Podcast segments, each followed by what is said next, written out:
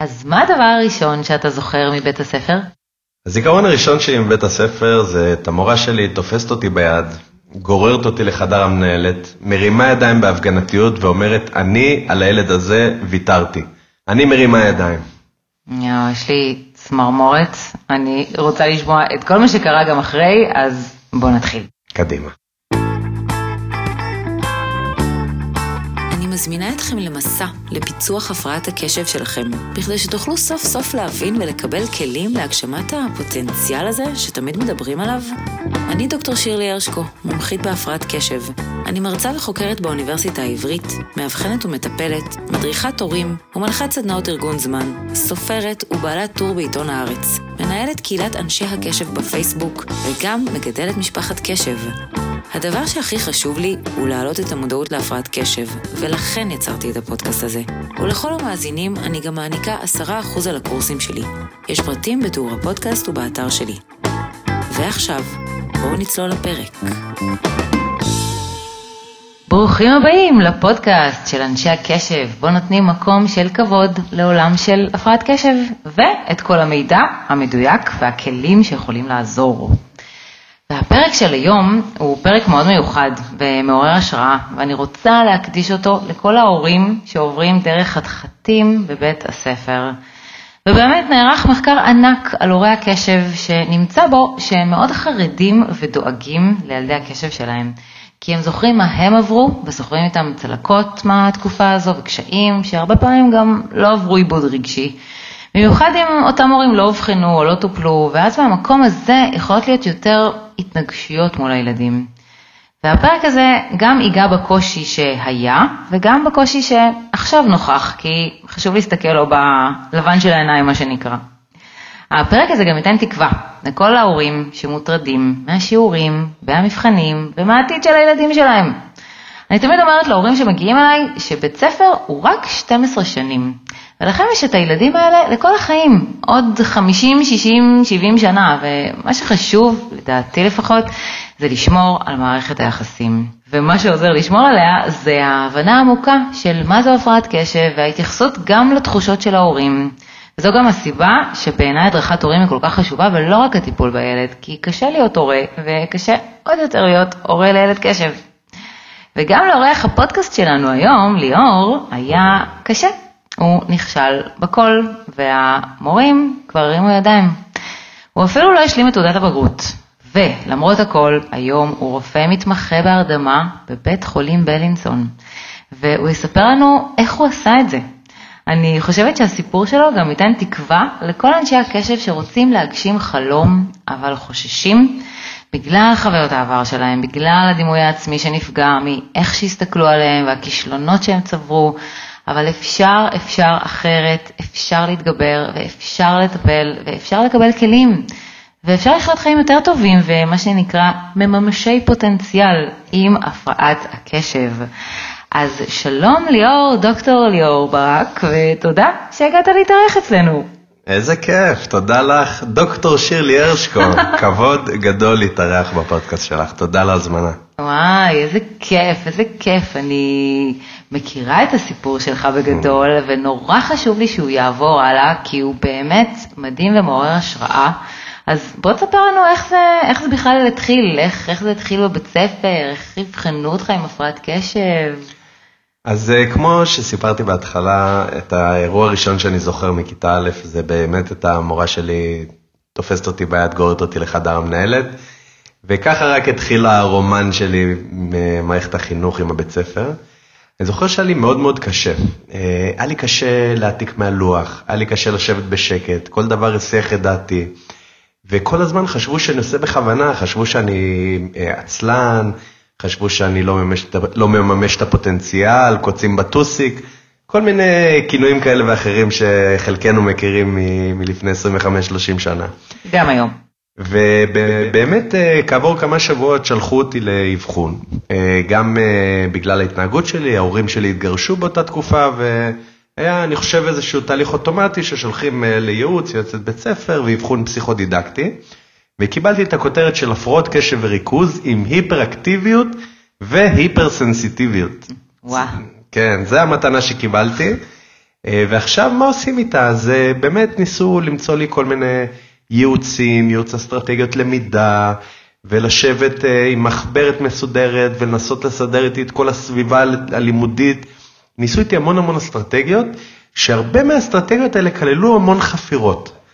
אה, ולי היה מאוד קשה עם זה, גם אה, על אחת כמה וכמה אנשים עם הפרעות קשב וריכוז, מאוד קשה להם שחופרים להם, זה מהר מאוד או שמאבדים סבלנות או ריכוז או את שניהם. ממש, אני תמיד אומרת להורים, אל תנסו לדבר יותר מחמש דקות, לא, לא מקשיבים לכם שם. חד משמעית, ובעצם ניסו למצוא לי כל מיני מסגרות אלטרנטיביות שכן אה, ייתנו לי תחושת ערך עצמי, וגם מקום שאני אה, בעצם יוציא בו אנרגיה, אחווה בו הצלחות. Mm. אז מקום ראשון ששלחו אותי, אני נדבר מצד אימא שלי, אימא שלי מאוד עודדה אותי ללכת לחוג דרמה. לשחק על במה, לשנן טקסטים, להעלות הצגות, ובאמת המקום הזה היה לי מאוד טוב גם לביטחון העצמי וגם העניין של אני יכול להוציא מרץ ולזכות להערכה בלי הצורך לשבת mm-hmm. ולהתרכז, אלא להפך, לזרום, ללכת, לקפוץ, לעשות צחוקים וכן הלאה. Mm-hmm. ומהצד יותר של אבא שלי, הוא שלח אותי למסגרת ספורטיבית. ניסינו כל מיני אה, קרב מגע, הגנה עצמית, ריקוד וזה, בסוף מה שתפס זה כדורסל. Mm. שלח אותי למסגרת כדורסל, ומה ששמחתי אצלי בבית, בניגוד להרבה מקומות, לא התנו את הדברים שאני אוהב ושחשובים לי בעמידה במחויבויות הלימודיות שלי. מה הכוונה? מעולם לא היה אצלנו את המשפט, אם עד שלא תסיים שיעורי בית לא תשחק כדורסל, עד שלא תעבור את המבחן לא תלך לחוג דרמה. אצלי תמיד הבהירו לי, לא משנה מה קורה בבית הספר, בדברים האלה אנחנו לא נוגעים לך, זה הדברים שחשובים לך ואנחנו מכבדים את זה. וזה משהו שלימים התגלה כמאוד מאוד משמעותי. והיה ממש, כדורסל היה קדוש, כל המשפחה נרתמה לעניין. אם זה הסעות לאימונים, הסעות למשחקים, באיזשהו שלב אבא שלי נהיה ספונסר של הקבוצה, באמת היה המון כבוד לעניין הזה, כנ"ל לחוג דרמה.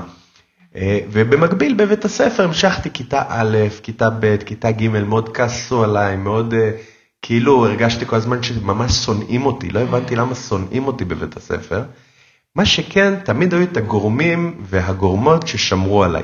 למשל בבית ספר יסודי מאוד התחברתי עם המנהלת, באופן טבעי ביליתי איתה המון זמן, שלחו אותי ממש אה, פעמיים שלוש בשבוע, והיא תמיד הייתה מנסה למצוא איזשהו משהו חיובי, משהו לתת לי או איזושהי מטלה, או להסתכל עליי בעיניים רכות ולשאול מה שלומי היום, ושהיא שמחה שאני איתה. וכל הכבוד שבאתי לבית ספר, אף על פי שבטח מאוד מאוד קשה לי. וואו. כל הזמן הייתה נותנת לי איזשהו פושים, והם באמת הגורמים במערכת החינוך, שבסופו של דבר החזיקו אותי. המורה, המחנכת שהייתה לי, שהייתה מחנכת מדהימה בכיתה ד'-ה', רונית פינס שמה, והמנהלת מיכל קרקוף, באמת הדמויות האלה שזה מורה לחיים, שלא שוכחים אותם. וואו. כן, אה, עכשיו כדי להפוך את זה ליותר מעניין, אצלי בבית יש לי אח גדול ממני בחמש שנים, עומר ברק, שהוא ההפך הגמור ממני. מוכשר, אינטליגנט, מחונן, חביב המורים, מועצת התלמידים, עיתון בבית הספר, מה שנקרא חלומה של כל מורה. יו. וכל פעם שהייתי מתחיל כיתה, היו עוברים שמות, אומרים, אה, אח של עומר ברק, וואו, איזה תלמיד הולך להיות לנו. ותמיד אחרי שבוע אותו סיפור, איך אח של עומר ברק יכול להיות תלמיד כזה. יואו. מטורף, כן. אתה יודע, מה שאתה אומר, הוא, הוא באמת מעלה שלוש נקודות ממש חשובות שאני רוצה להדגיש. אחד, שבאמת המשפט שהוא הפך לקלישאה, אבל בגלל שהוא כל כך נכון, שכל ילד צריך בן אדם אחד שיאמין בו, הוא סופר מדויק. הנה הייתה את המנהלת הזו והייתה את המורה הזו, וזה דמויות ש, שנתנו לך את הכוח ואתה עד היום זוכר אותם. השני זה העניין של החיזוקים, שבאמת יש נטייה להורים, ואני ממש יכולה להבין אותה, לחפש טיפול לילד, טוב, מה יעזור, מה יעזור, ריפוי בעיסוק, מה, הוראה מתקנת, לאן ללכת, ושוכחים את העניין של לחזק את החוזקות, גם, גם לפעמים אין זמן לחזק את החוזקות מרוב טיפולים, אבל זה כל כך קריטי בגלל שהדימוי העצמי שלנו הוא נבנה מההצלחות שלנו והוא נבנה מהחוזקות. בעצם זה שהיה לך את הכדורסל ואת הדרמה וזה היו מקומות שהצלחת בהם וגם כל המשפחה התגייסה, זה, זה בדיוק שמה, מה שמעלה את הערך העצמי, כי גם הרבה פעמים שואלים אותי איך להעלות את הערך העצמי, את הדימוי העצמי, זאת הדרך, לחזק את החוזקות, ובאמת העניין של פחות עונשים, אלא יותר חיזוקים, כמו שהיה אצלך בבית, כי גם ככה חסר דופמין במוח, שזה הורמון החיזוק, גם ככה הילדים צריכים יותר חיזוקים. אז לתת עונש, אתה לא תעשה אם, זה, זה פחות עובד איתם מאשר בוא, ת, תלך, תעשה, תשחק, ואחר כך אה, נכין את השיעורי בית, או אפילו בכיוון ההפוך, בוא נכין את השיעורי בית, אז נוכל לשחק מלא מלא כדורסל. פחות הכיוון של, ה, של הלא, ובטח שלא, אה, נגיד, אה, לא להוציא להפסקה, שגם על זה אני שומעת, ילדים עם הפרעת קשב, לא, אתה לא סיימת להעתיק, אתה לא תצא להפסקה, בדיוק הפוך, תן להפסקה, ואז יהיה לך כוח להעתיק. אז מעולה ש, שממש גם נגעת בכל הנקודות האלו, ווואו, איזה סיפור. ואני רוצה לשאול אותך אם גם אה, חוץ מהלימודים היו עוד קשיים. אז בהחלט, אחד הדברים ש... שאנשים נוטים לשכוח, שמעבר לעניין של הוויסות גירוי חושי מבחינת ריכוז, יש גם המון קושי בוויסות הרגשי של להיפגע, להיעלב, להיות עצוב. ובאמת אני זוכר את עצמי, גם הגירויים האלה של כל הזמן זבוב נכנס לכיתה, אני לא שומע כבר כלום, מישהו מתקתק לידי עם עט ואני לא יכול להתרכז, אני מאבד את זה. והעניין הזה של הקשיים הרגשיים היו מאוד מאוד דומיננטיים אצלי. גם בכוונה השתמשתי במילים קשות כמו המורות שונאות אותי. Mm. הרגשתי הרבה פעמים שממש שונאים אותי, שממש לא כועסים עליי, אלא שונאים אותי, ושהחברים בכיתה כן אוהבים אותי, לא אוהבים אותי, שההורים כועסים עליי, אז הם לא אוהבים אותי. ילד עם הפרעות קשב הוא גם חווה המון המון קשיים רגשיים של באמת מרגיש שלא אוהבים אותו. והעניין הזה היה מאוד מאוד דומיננטי אצלי, כל הזמן הרגשתי מקופח, הרגשתי פחות טוב, הרגשתי שלא רוצים בסביבתי. וזה משהו שאני חושב אפילו היה כמעט אותו קושי, אם משווים אותו קושי ריכוז, אז גם הקושי רגשי היה לא פחות ואולי יותר. נכון. העניין הזה של ההיעלבויות, המון הייתי נעלב, המון הייתי נפגע. ובאמת הקטע הזה מאוד חשוב, המסר הזה להורים ולחברים, למורים, העניין הזה של כל הזמן להיות רגיש לילד, להבין שהוא בתוך עצמו במאבק פנימי. הרי ילדים עם הפרעות קשב, הם לא רוצים להיות רעים. באמת באמת קשה להם, הם יכולים לשחק אותה כאילו לא אכפת להם, הם יכולים להיות הליצנים הכיתתיים, אבל עמוק בתוכם הם רוצים שאוהבו אותם, הם רוצים להיות כמו כולם. אצלי באמת, אז לאורך הכיתה ד', ה', ו', באמת היו הקשיים האלה מאוד דומיננטיים, ובסוף כיתה ו' יש טקס סיום, כל המורים לוחצים לי ידיים, מאוד מבסוטים, אה. בעיקר שמחים שהם נפטרים ממני, אני, הם יודעים שאני הופך להיות הבעיה של מישהו אחר. ובאמת, תמיד קטע כזה עם אנשים עם הפרעות קשב, עם ילדים שלא הלך להם, תמיד יש את העניין הזה של שנה הבאה דף חדש. פותחים דף חלק, הולך להיות נהדר, הולך להיות מדהים. כיתה ז', אני זוכר ערב אה, פתיחת שנת הלימודים, אני יושב עם אימא שלי, עוטפים מחברות, עוטפים ספרים, קלמר, סנדוויץ', מים, והפעם יהיה דף חלק. ובאמת זה החזיק חמש דקות לתוך כיתה ז', התברר שהמידע אודותיי דלף לכיתה ז', דלף לחטיבה. איך עליתי על זה? כשהמורה קוראת שמות, היא אומרת לי, ליאור ברק, ליאור ברק, אני שמעתי על ההתנהגות שלך, בוא, בוא שב לידי שורה ראשונה, אני אשמור עליך. וואי. ועכשיו מתחיל כל הסאגה מחדש, והעונשים הופכים להיות כבדים יותר, זה כבר לא רק לשלוח למנהלת, זה כבר השעיות, וזה כבר לתיק האישי והמון אה, רישומים, וגם שם ניסו איתי כל מיני אסטרטגיות שלצערי לא כל כך עבדו, כמו למשל, לא הספקתי להעתיק מהלוח, אז אה, מה שהיו עושים, הם שולחים אותי עם דפי קופי, אני מניח שהילדים אה, כן. היום כבר פחות מכירים את זה. נכון. אבל היו שולחים אותי עם דפי קופי שהייתי מכניס מתחת למחברות של חברים, והם היו כותבים, ואני הייתי לוקח את זה, ובאמת ניסינו המון ניסיונות שלצערי לא כל כך צלחו. מה שכן אני זוכר שמאוד מאוד עזר, mm-hmm. זה כשהייתי בקבוצות קטנות.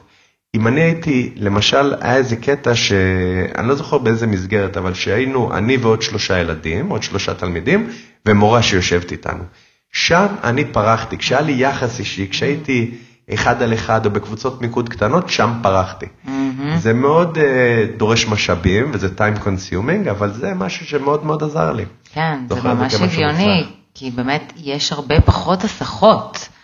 אז uh, לפעמים אני, אני אפילו מייעצת להורים, נגיד שאין להם באמת משאבים, כמו שאמרת, אה, אפשר אפילו לקחת נגיד שכנה או איזה תיכוניסטית שרוצה לעשות אה, איזה 20 שקלים לשעה או 30 ואני כבר לא יודעת מה השכר היום של תיכוניסטיות אבל שהיא תשב עם הילד להכין אה, את השיעורים כי הוא לא יכול לשבת להכין אותם לבד זה, זה גיהנום שיעורי בית בשביל ילדים זה דורש הרבה מאוד ריכוז זה מאוד מעופפים ועם ההורים זה בדרך כלל אינטריגות וריבים וחבל על היחסים.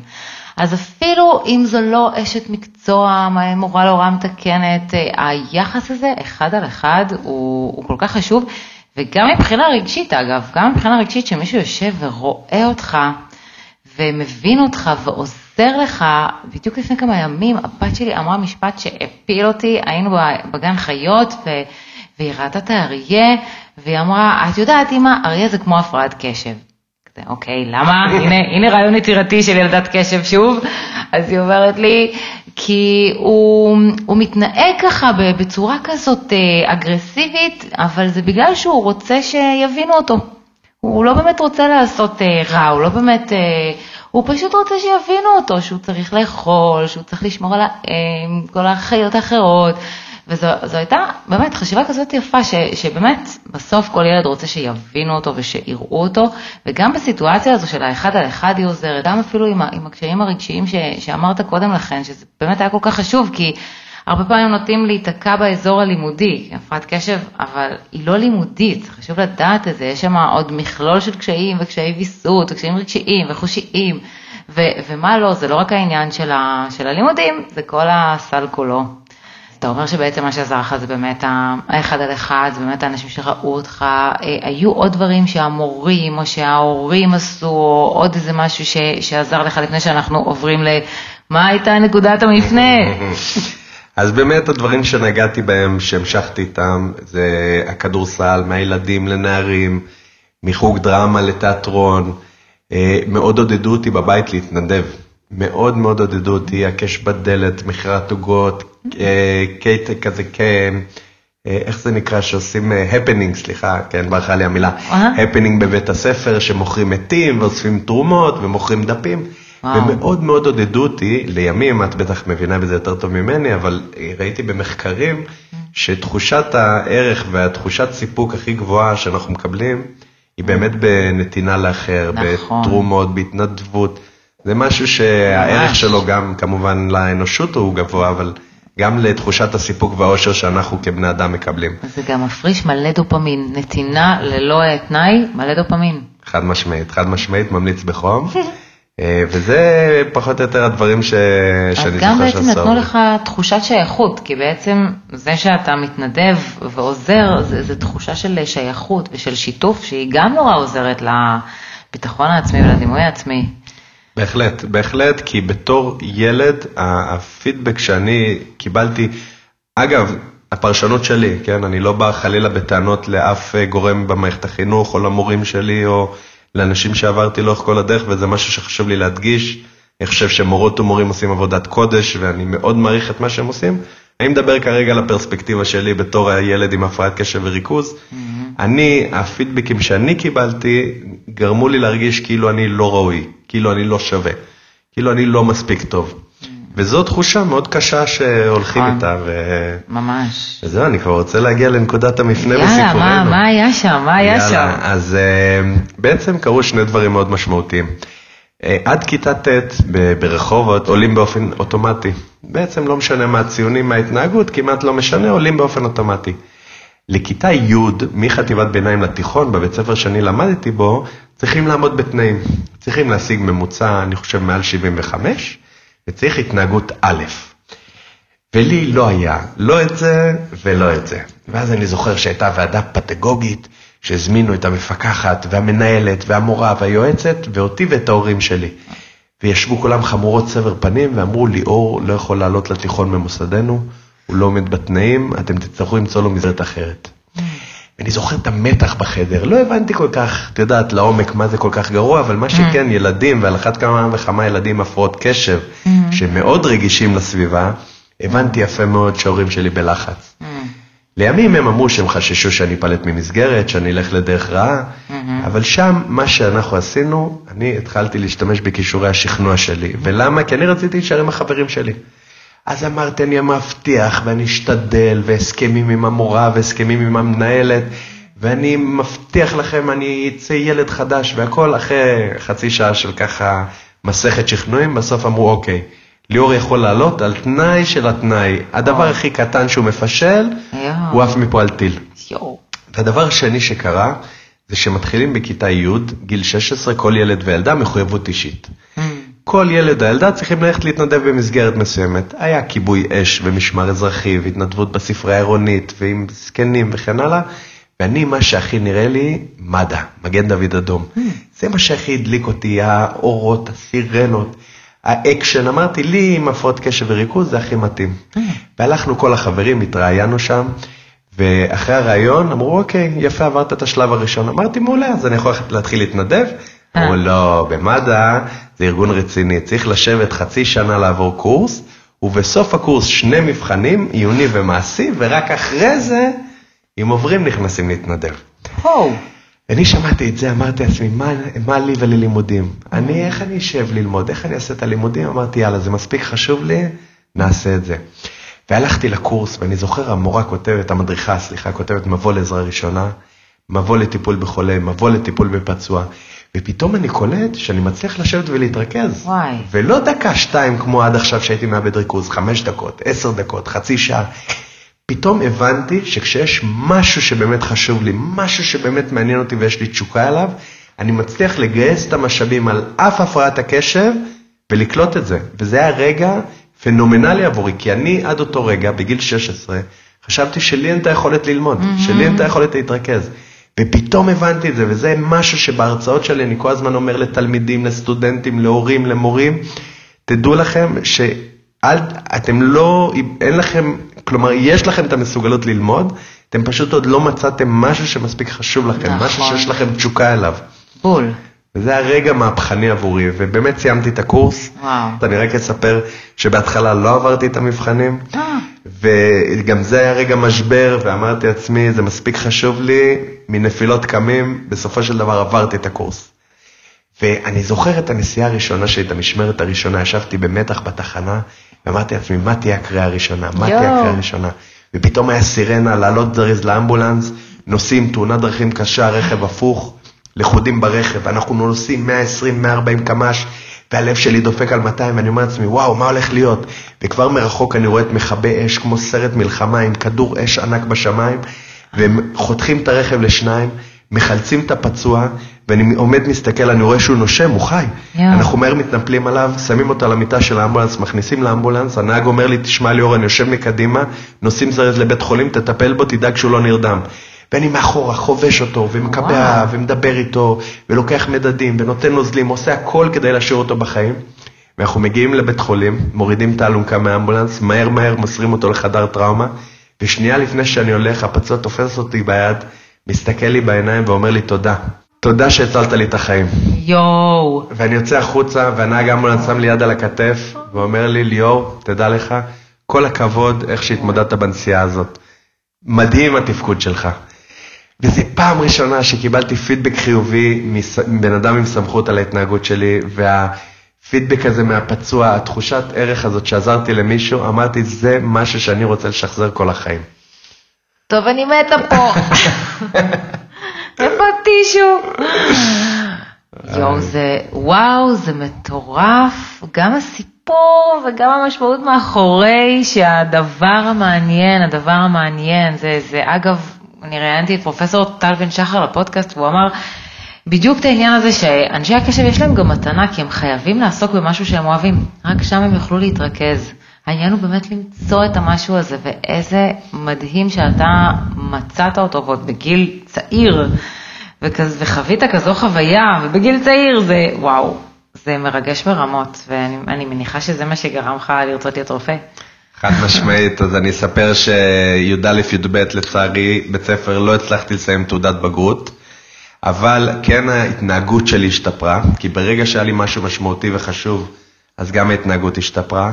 במקביל במד"א יצאתי לקורס הדרכה וקורס אירוע רב נפגעים וקורס ניידת טיפול נמרץ וכל מה שיכולתי לעשות. נתתי את כל נשמתי שם, וככל שהייתי שם יותר, ככה התאהבתי יותר במקום. התגייסתי, גיל 18, אה, הייתי לוחם ביחידה מיוחדת בתותחנים, נקראת MLRS. סיימתי בתור מפקד וסמל מחלקה, אני לא אתעכב על זה, אני רק אגיד שגם שם היה קצת קושי עם הפרעות הקשב. בניגוד לבית הספר, ששם שולחים אותך הביתה, בצבא כשיש בעיות, משאירים אותך בצבא. ואבא שלי תמיד אומר בחיוך, בזכותך הכרנו את הארץ. ביקרנו אותך בריתוק בשבטה בדרום וברמת הגולן בצפון ובשטחים. אבל מה שכן, בצבא מאוד העריכו את היכולת שלי לעמוד במשימות. אמנם היה לי קשה לשבת, להתרכז ושמבלבלים לי במוח, אבל כשהייתה משימה, כשהייתה לי אחריות, הייתי הולך עם כל הנשמה, ואת העניין הזה מאוד העריכו. אה, שזה אגב, אני חושב שזה מאוד אופייני לאנשים עם הפרעות קשב, הם יכולים להיות מנהיגים מטבעם, אם רק נותנים להם את ההזדמנות ואת הכלים, יש להם המון כריזמה נכון. והמון מוטיבציה לעמוד ביעדים שחשובים להם. ממש ככה. השתחררתי מהצבא, אמרתי לאבא שלי ולאמא שלי, אבא ואמא, אני רוצה להיות רופא. הסתכלו עליי בשוק, אמרו, איך אתה רופא, מתוק שלי? אתה, קשה לך עם הלימודים, קשה לך עם, עם לשבת לעבור מבחנים, איך תעשה את זה? אמרתי, אני רוצה להיות רופא, לא יעזור כלום. הלכתי לבית ספר שיפורי בגרויות, נרשמתי שם לאיזה מסלול מטורף שכלל תשע בגרויות, מספר מבחני פסיכומטרי.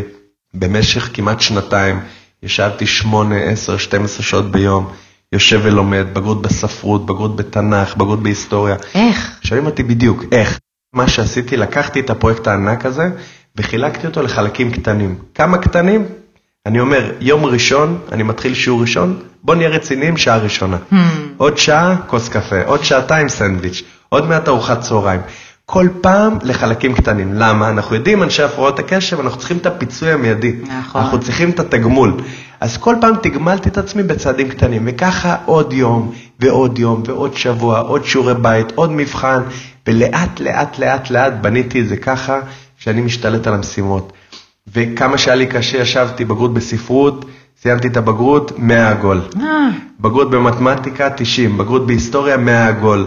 בגרות באזרחות, 100 עגול, עוד בגרות ועוד בגרות ועוד פסיכומטרי ועוד בגרות, לאט לאט לאט לאט לאט, עד שהצלחתי להגיע אחרי שנתיים, לקח לי להגיע ליעד המינימלי של הבית ספר. לרפואה. אה, לקח לי עוד שנה להתקבל, סך הכל שלוש שנים. אמ, ובבית ספר לרפואה, שנה א', חטפתי את הכאפה של החיים שלי. וואו. המון קשיים, ההפרעות קשב הולכות איתנו, וקשה לי להקשיב, וקשה לי להתרכז, ובעיקר, אני מאוד כועס על עצמי, למה אני לא כמו כולם? למה אנשים יושבים שעה, שעתיים יודעים את החומר, ואני יושב שש, שבע, שמונה שעות ולא יודע כמוהם. והיה לי מאוד קשה, וסבלתי, ושנה א' סיימתי עם הלשון בחוץ. ובשנה ב', שנה ג', הבנתי מה השינויים שאני צריך לעשות, וזה עוד משהו שבאמת בא לי להדגיש אותו. כן. א', העניין של חמלה עצמית. חמלה עצמית זה משהו שהוא סופר סופר סופר חשוב, והוא עשה את ההבדל מבחינתי. וואו. העניין הזה של להפסיק לכעוס על עצמי, נכון. של להסתכל במראה ולהגיד לעצמי, אני מספיק טוב. הכי טוב שאני יכול לעשות זה ללמוד חצי שעה ברצף, אז זה מספיק טוב וזה בסדר ואני ראוי. וזה בסדר לעשות הפסקה כל רבע שעה, וזה בסדר שכולם יותר טובים ממני, כל עוד אני יודע שאני עושה את הכי טוב שאני יכול. הדבר השני, הכנסתי מדיטציות. זה של לשבת, להירגע, להתבונן בנשימה, הרפיות, הכרת תודה, זה דברים שעשו מבחינתי שינוי מדהים. והדבר הנוסף זה פעילות גופנית. כל הזמן פעילות גופנית, לשחרר דופמין, לשחרר אוקסיטוצין, כל הזמן העניין הזה. אתה ממש כמו במחקרים, אתה יודע שבדיוק המקום השני והשלישי אחרי אה, טיפול תרופתי זה ספורט ומדיטציה. וחמלה עצמית, זה... אני כל כך שמחה שאתה אומר את זה, כי באמת לרוב לא נוגעים בעניין הזה, אלא יותר באסטרטגיות פרקטיות כאלו. וחמלה עצמית זה הבסיס, כי כשמסתובבים תחושה של ערכאה עצמית ואני אשם ואני לא טוב, מאוד קשה לעשות את כל שלל העצות היותר פרקטיות מעל זה. חד משמעית, חד משמעית, ואני לא מפסיק להדגיש את זה בכל שיחה, בכל הרצאה. אסטרטגיות זה טוב, טיפול תרופתי זה טוב, יש הרבה דברים מאוד טובים. אבל העניין הזה של חמלה עצמית, שעד היום אני מזכיר לעצמי, כשאני כועס על עצמי, אם אה, תפקדתי פחות טוב ממה שציפיתי, או לא הלך לי כמו שאמרתי, לא נורא, ליאור, אתה מספיק טוב. אצלנו בבית, איך, איך אבא היה מתרגל את זה? היה אומר כל ארוחת שישי, מה הייתה נקודת האור השבועית? עכשיו כל אחד צריך להגיד מה לו טוב השבוע. לתרגל הכרת תודה. זה ממש נכון, וגם מחקרים מראים שאם מתרגלים את העניין הזה של הכרת טוב- תודה, אז זה ממש משנה מבנים מוחיים אה, של עושר במוח, זה ממש חשוב. חד משמעית. אה, וזהו, אני סיימתי שנה ד', שנה ה', וואו. סיימתי את הלימודים, שנת סטאז' באיכילוב, בחרתי התמחות, אמרתי מה ההתמחות שהכי מתאימה לי מהפרעות קשב. בחרתי בהתמחות בהרדמה בבית חולים בלינסון, עם תורנויות בטיפול נמרץ, ומצאתי שזה המקום שהכי מתאים לי עם הפרעת הקשב, עם האקשן, ואני מלא הכרת תודה על, מה ש... על זה שזכיתי לעשות את מה שאני אוהב. היום, אחרי שעברת את כל הדרך הזאת, איפה אתה עדיין מרגיש את, ה, את הקשיים בכל זאת, למרות שהגעת והצלחת, והרבה פעמים יש מין ראייה כזו של, מה, אבל הוא כזה מצליח, בטח אין לו כבר שום קושי, אבל... אז הקשיים הם אה, חיים וקיימים, אה, אני מתמודד איתם יום-יום. קודם כל הקושי של הריכוז זה גם פוגש אותי בעבודה. זה העניין הזה של כל הזמן אני צריך להיות דרוך, אגב בגלל זה בחרתי בהרדמה עם טירונת בטיפול נמרץ, כשיש את uh, סכנת המוות מרחפת ואת הצורך להגיב מהר למצבי חירום, זה עוזר מאוד להישאר דרוך. זה מאוד עוזר לי להיכנס לחוויית הזרימה הזאת של אני צריך להיות all in, כל כולי בזה, וגם אם אני קצת מאבד ריכוז ימינה-שמאלה, זה עוזר לי לחזור, אבל את יודעת, זה לימוד, אה, רפואה זה מקצוע שאתה צריך ללמוד כל החיים. וגם היום אני מתקשה בלימודים, קשה לי, קשה לי להושיב את עצמי ללמוד, קשה לי להיות בשטף הזה של הלמידה, אני מרגיש שכולם יותר טובים ממני בעניין הזה. אה, אם זה בישיבות בוקר, שזה כמעט על בסיס יומיומי, שעה ישיבת בוקר, אז אני הרבה פעמים מוצא את עצמי מרחף קצת. ולכן אני מוצא כל מיני אסטרטגיות, אני מקליט לעצמי את ההרצאות, שומע אותן אחרי זה, מתמלל לעצמי בסוף ההרצאה, עושה כל מיני דברים שיכולים לעזור לי. אתה גם, אה, אנשי הפרעות קשב גם פוגשים את זה בחיים, במערכות היחסים למשל. Mm-hmm. מערכות יחסים זה גם תחום שאני למדתי, אה, בוא נגיד, קודם כל חוויתי על בשרי, ואז mm-hmm. קראתי. כן. שגם זה תחום שמאוד מתקשים בו, גם עם העניין של הוויסות הרגשי, וגם העניין של להתרכז בדברים החשובים, זה, זה דברים שמאוד מקשים. והפרעת קשב לומדים לחיות איתה. זה, זה לא כמו צינון שעובר. נכון. יותר כמו, אמנם זה מקברי להגיד מחלה כרונית, אבל זה איזשהו דפוס מסוים, זה איזשהו תבנית אופי שאני חי איתה, ואני לומד לעשות את הכי טוב שאני יכול איתה. ללכת למקומות שנכונים לי, להתבונן פנימה, להקשיב למה טוב לי. אנשים עם הפרעות קשב, היתרון שלהם, שמהר מאוד יודעים להגיד האם המקום שהם נמצאים בו טוב, לו, mm. טוב להם או לא טוב להם. נכון. וזה אחד היתרונות המשמעותיים, אני חושב שאפשר להסתכל בצורה ממש. חיובית על אנשים עם הפרעות קשב. כן, כן, אני גם מאוד אוהבת ומאמינה ב... בלהדגיש את הדברים הטובים שבהפרעת קשב, כי גם לעשות אה, דברים במצבי אה, כאלו לחץ, ולעשות גם וגם וגם, ולהיות באנרגיות האלו ובחשיבה הזו שהולכת גם לפה וגם לפה, דברים שיש בהפרעת קשב, שפחות יש אותם כשאין הפרעת קשב, והם בהחלט יתרונות. חד משמעית, אני רואה למשל בחדר ניתוח, שאומנם קשה להתרכז במשהו אחד ספציפי, אבל מה שכן, אני יכול לראות את התמונה הכוללת ולשמוע הכל. Mm-hmm. אני רואה את המוניטורים שאני צריך להתרכז בהם, אני רואה את המטופל, אני רואה את האחים והאחיות, את המנתח והמנתחת, את הצוות הסיעודי, את כל מה שאני צריך לראות, אני רואה ושומע. זה היתרון של, שלי לפחות, שאני מרגיש עם הפרעת הקשב, שהפרעת הקשב... הפכה לפיצול קשב, זה ביטוי mm. מאימא שלי שמעתי, mm. פיצול קשב, וזה משהו שהוא באמת נותן לי יתרון מאוד משמעותי ב, לתחושתי. Mm-hmm. לקחתי את ההפרעה למקום שבו היא באה לידי ביטוי בצורה חיובית. ממש, זה ממש זה. וואי, כמה דברים uh, חשובים ועוצמתיים, ולקראת סיום יש, יש עוד איזה משהו שהיית רוצה... להדגיש, להגיד אה, אולי לילדים או להורים או לאנשים שהם מתמודדים עם הפרעת קשב או, או לצידם? אז בהחלט. אני אשמח קודם כל לילדים, בני נוער, שאני מקווה ששומעים את הפודקאסט. כן. אה, העניין הזה שלא משנה כמה קשה וכמה אתם חושבים שאתם לא מספיק טובים ושאתם לא מספיק מוכשרים ושכולם יותר טובים מכם ולעולם לא יצא מכם כלום, תזכרו דבר אחד, השמיים הם באמת הגבול במובן של החלומות. אתם יכולים לחלום, תמצאו לכם יעד, תמצאו לכם משהו שאתם רוצים להשיג, תמצאו איזשהו חלום מופרך ככל שיהיה ותלכו איתו. כי באמת, אם אני הייתי מקשיב לחוויות שאני חוויתי ב-12 שנים שלי הראשונות במערכת החינוך, הייתי חושב שלא יוצא ממני כלום. ותמיד רציתי את הבן אדם האחד הזה שיבוא ויגיד לי, ליאור, אל תדאג, יהיה בסדר, תסמוך על עצמך, תסמוך על התהליך שאתה עובר. בסוף תגיע למשהו. והמון אנשים מאוד מוצלחים הגיעו להישגים לא בגיל 18, הגיעו בגיל 25 ו-30 ו-35 ו-40 ואפילו 50. פשוט צריך כל הזמן אמונה עצמית. בעניין של ההורים, אני כל הזמן אומר, תזכרו שילד וילדה עם הפרעות קשב וריכוז, תמיד מרגישים שכל העולם נגדם. הם מרגישים שהם לא מספיק טובים, הם מרגישים שהעולם גדול עליהם, ששונאים אותם בבית הספר, לפעמים שחברים שלהם לא אוהבים אותם. תזכרו שיש להם מקום מוגן אחד, וזה היחידה התא המשפחתי. בעדיפות אבא או אמא, אה, בעדיפות אחים ואחיות, אבל גם זה יכול להיות חונך או מדריך, או כל בן אדם שאחראי על ילד באופן ישיר, וצריך לתת אהבה ללא גבולות. פשוט אהבה ללא גבולות, להזכיר לילד כל הזמן, לא משנה כמה כועסים וכמה הוא לכאורה לא בסדר, אוהבים אותו ללא תנאי ותמיד יש לו מקום וסומכים עליו בבית. זה משהו מאוד חשוב. מסר אחרון למורים, אני לא מתיימר להגיד למורים איך לעשות את העבודה שלהם, הם אנשי חינוך, הם יודעים הכי טוב. ובמשאבים שניתנים להם, זה באמת מאוד מאוד קשה להתייחס לילד וילדה באופן פרטני, כשיש להם 40 ומשהו תלמידים בכיתה. אבל מה שהם כן יכולים לשים לב אליו, זה מה לא להגיד.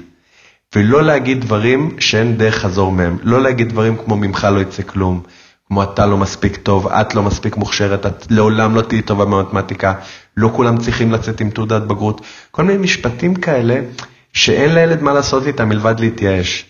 לנסות להסתכל על משהו אחד חיובי בילד וילדה, משהו אחד טוב להגיד עליו. טוב לראות אותך הבוקר, טוב שבאת, אתה חבר מאוד טוב לחברים שלך, את נורא טובה בציור, את נורא טובה בקישוט, אני רואה שאת מדברת המון, בטח יש לך רעיונות מצוינים. כל הזמן לנסות למצוא משהו אחד חיובי, אפילו שזה מאוד קשה ואנחנו יודעים את זה. יואו, זה כל כך מקסים וכל כך נכון, ואני רוצה להוסיף באמת בהקשר של ההורים, שגם המחקרים בתחום של פסיכולוגיה התפתחותית מראים שבסופו של דבר מה שהכי חשוב זה ההורים.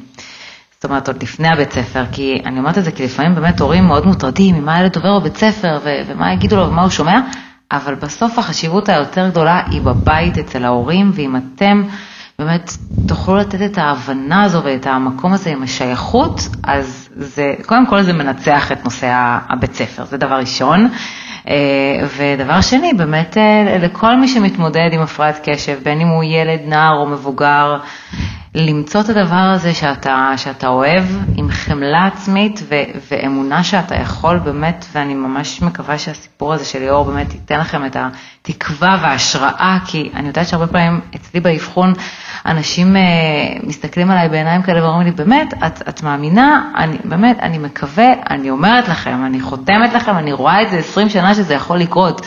אתם רק צריכים לבוא עם ה... באמת עם האמונה הזו, שזה יכול. ורצוי גם למצוא את הבן אדם שמאמין בכם, שזה בכלל יתרון. וליאור, וואו, תודה רבה על ה... באמת, על הסיפור המדהים שלך, על שהגעת ועל השליחות שלך בנושא הזה, אני בטוחה שזה משנה חיים, תרתי משמע. איזה כיף, זה זכות ענקית בשבילי, אפילו אם עודדתי בן אדם אחד, איזה ילד או ילדה או אימא או אבא, זה שכר טרחתי, זה שווה הכל מבחינתי. ממש, אתה ממש אה, מציל חיים גם, ב... גם מבחינה פיזית וגם מבחינה נפשית, הייתי מסכמת את זה, אז המון תודה. תודה רבה שירלי.